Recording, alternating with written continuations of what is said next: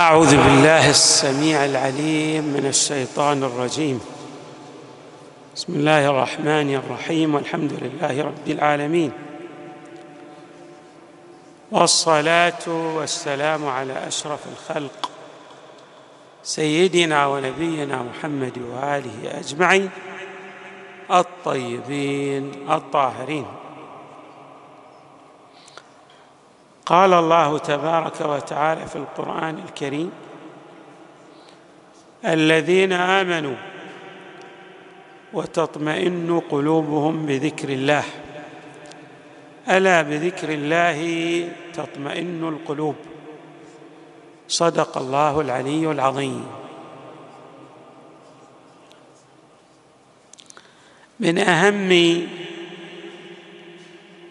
العوامل الجالبة للتقدم والنجاح في حياة الإنسان اطمئنان القلب. اطمئنان القلب يشكل الركيزة الأولى والعامل الأهم في سعادة الإنسان. إذ أن الإنسان إذا اطمأن قلبه استطاع أن يسير في دروب الحياة المتعددة بقوة شخصيته وبثبات في خطواته. لا يخشى احدا إلا الله نتيجة لاطمئنان قلبه. من هنا حري بالمؤمن أن يحقق العوامل الموجبة لاطمئنان القلب لأنه بذلك يستطيع أن يصل إلى ما يبتغيه. إذا اطمأن قلبه سار بخطوات ثابتة تؤدي به إلى النجاح في الحياتين الدنيوية والأخروية. لنرى ما هي العوامل التي توجب اطمئنان القلب.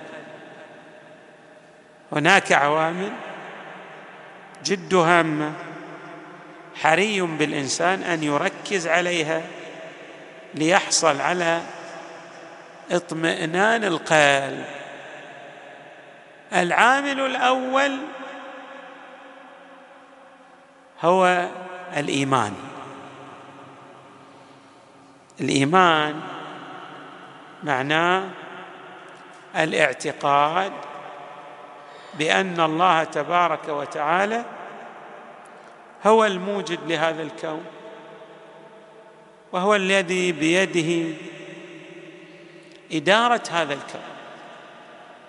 وأن جميع عوالم الوجود ترجع إليه تبارك وتعالى. فالمؤمن يعلم بأن الخالق المدبر الرازق المعطي الذي أوجد هذا الكون هو الله تبارك وتعالى. هذا الإيمان يشكل العامل الأهم من عوامل اطمئنان القلب وبالتالي تحقيق كل ما يترتب على اطمئنان القلب من الوصول إلى المآرب. الإيمان له أهمية فائقة جدا. ومعناه كما قلنا الاعتقاد القلبي بوجود الحق تبارك وتعالى وأنه هو الخالق المدبر.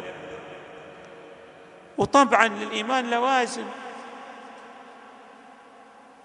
معناه أيضا الإيمان بالأنبياء والرسل والكتب التي أنزلت عليهم. أيضا الإيمان باليوم الآخر بعالم الآخرة. الإيمان لما نقول هذا مؤمن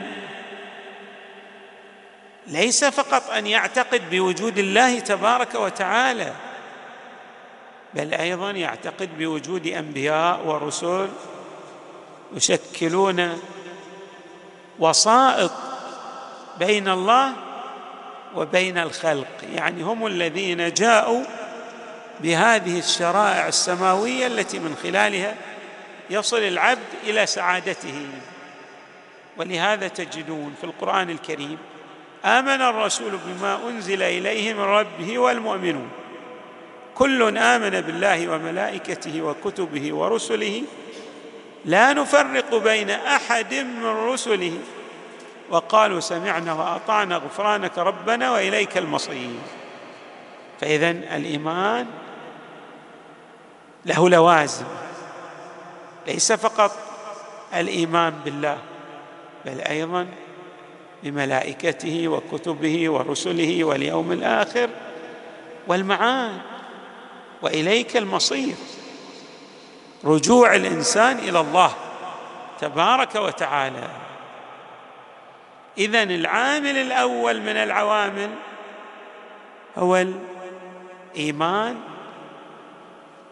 من الناحية العقدية. وهذا الإيمان يبتني عليه كل خير. يعني إذا آمن الإنسان معناه أنه وضع القواعد الأساسية للبناء عليها في الوصول إلى الشخصية التي يتحقق لديها السعادة والإطمئنان. وحري بالإنسان أن يسعى جاهدا لتحقيق ركائز الإيمان في شخصيته. يعني البناء العقدي من أهم البناءات في شخصية الإنسان المؤمن. المؤمن لا يكفي أنه مثلا يصلي أو يصوم أو يلتزم بالتكاليف لكنه ماذا؟ يهتز من الناحية العقدية. الأهم من ذلك هو الوصول إلى درجة من الاطمئنان في المجال العقدي. هذا جد هام الأمر الثاني وهو أيضا جدها تشير إليه طائفة من الآيات. ما هو؟ هو العمل الصالح. يعني الإنسان لا يكفي أن يؤمن دون أن يجسد مقتضيات إيمانه بالقيام بمجموعة من الأعمال الصالحة التي تعود عليه وعلى المجتمع الذي يعيش في كنفه بالخير. لا بد أن يلتفت إلى أهمية أعمال الخير. ولذلك تجدون آيات متعددة في القرآن الكريم. تقرن الإيمان بعمل الخير. والعصر إن الإنسان لفي خسر إلا الذين آمنوا وعملوا الصالحات.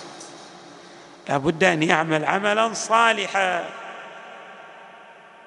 من الأهمية بمكان الإتيان بالاعمال الصالحة من الطاعات والقربات الفضائل الفرائض وما يرتبط بها من أعمال تجسد إيمان المؤمن من الناحية العملية. يعني يعرف المؤمن بأنه مؤمن من الناحية العملية بقيامه بالأعمال الصالحة مضافا إلى البناء العقدي الذي يشكل جنبه نظرية يحتاج أن يجسد هذه الجنبه النظرية بجانب عملي. العمل جدها. إلا الذين آمنوا وعملوا الصالحات. لا يكفي أن يقول أنا مؤمن لكن لا يقوم ببعض أعمال الخير ببعض الأعمال الصالحة. القرآن الكريم. من عمل صالحا من ذكر أو أنثى وهو مؤمن. وهو مؤمن. من عمل صالحا. تعمل أعمال صالحة. ولكن أيضا عندك إيمان. ماذا يترتب على على ذلك؟ فلنحيينه حياة طيبة. ولنجزينهم أجرهم بأحسن ما كانوا يعملون. اولا هذا الإنسان الذي يعيش ويعمل اعمالا صالحة تنبثق منطلقة من خلال ركائز إيمانه الله يتولى هذا المؤمن بأن يحيا حياة طيبة. حياة طيبة معناها الاطمئنان. لذلك تشوفون الإنسان يعيش نكد العيش. حتى لو توافر لديه المال والسلطة والجاه وما إلى ذلك والمنصب لكن ما عنده. ماذا؟ إيمان. أو ما عنده عمل صالح. الله تبارك وتعالى لن يحييه حياة طيبة لأن الحياة الطيبة والجزاء الأوفر من عند الله تبارك وتعالى يرتبطان ارتباطا وثيقا مع الإيمان.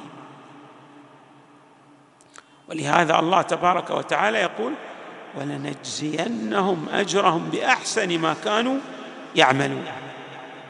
نحن نرجع عليهم من الثواب والخير. أضعاف هي الأفضل والأحسن مما عملوا من أعمال صالحة. لأنهم يتلقون الجزاء من رب كريم. نعم. الأمر الثالث أن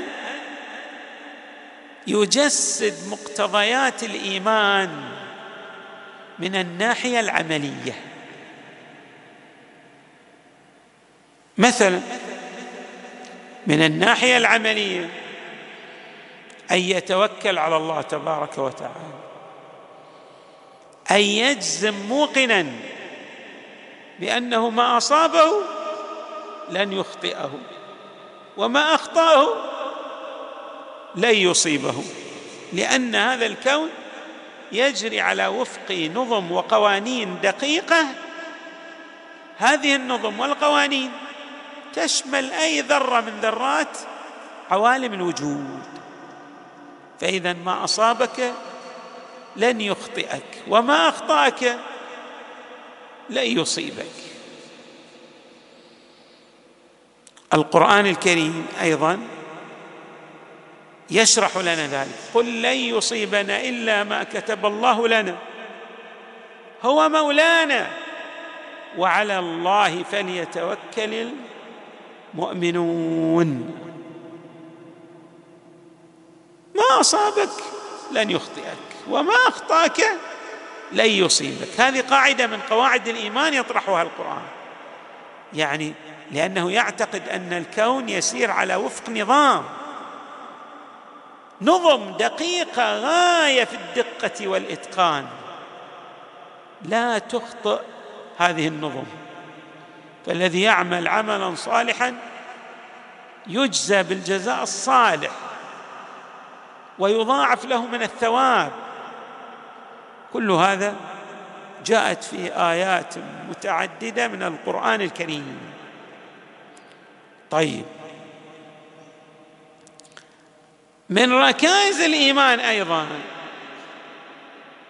ليس فقط الاعتقاد بأن ما أصابك لن يخطئك وما أخطأك لن يصيبك بل عليك أن ترتقي في سلم درجات الإيمان لتصبح وليا من أولياء الله. إيش معنى الولي من أولياء الله؟ ما معنى الولاية لله؟ الولاية لله فسرت باللوازم. يعني مثلا هذا الولي لا يخاف من أحد إلا الله. من أي أحد لا يخاف؟ هناك خوف طبيعي للإنسان. ليس بمعنى أنه إذا وجد نارا لا يهرب, لا يهرب من النار. حيوان مفترس لا يخبئ نفسه عنه. الأمر ليس كذلك. ولكن لأن لديه ولاية بمعنى يعلم بإحاطة الله تبارك وتعالى فهو على يقين وجزم بأن مقاليد السماوات والأرض بيد الله تبارك وتعالى. القرآن الكريم هكذا يعبر قل لن يصيبنا إلا ما كتب الله لنا هو مولانا وعلى الله فليتوكل المؤمنون. لن يصيبك. ماذا؟ إلا ما كتبه الله ما كتبه الله لك.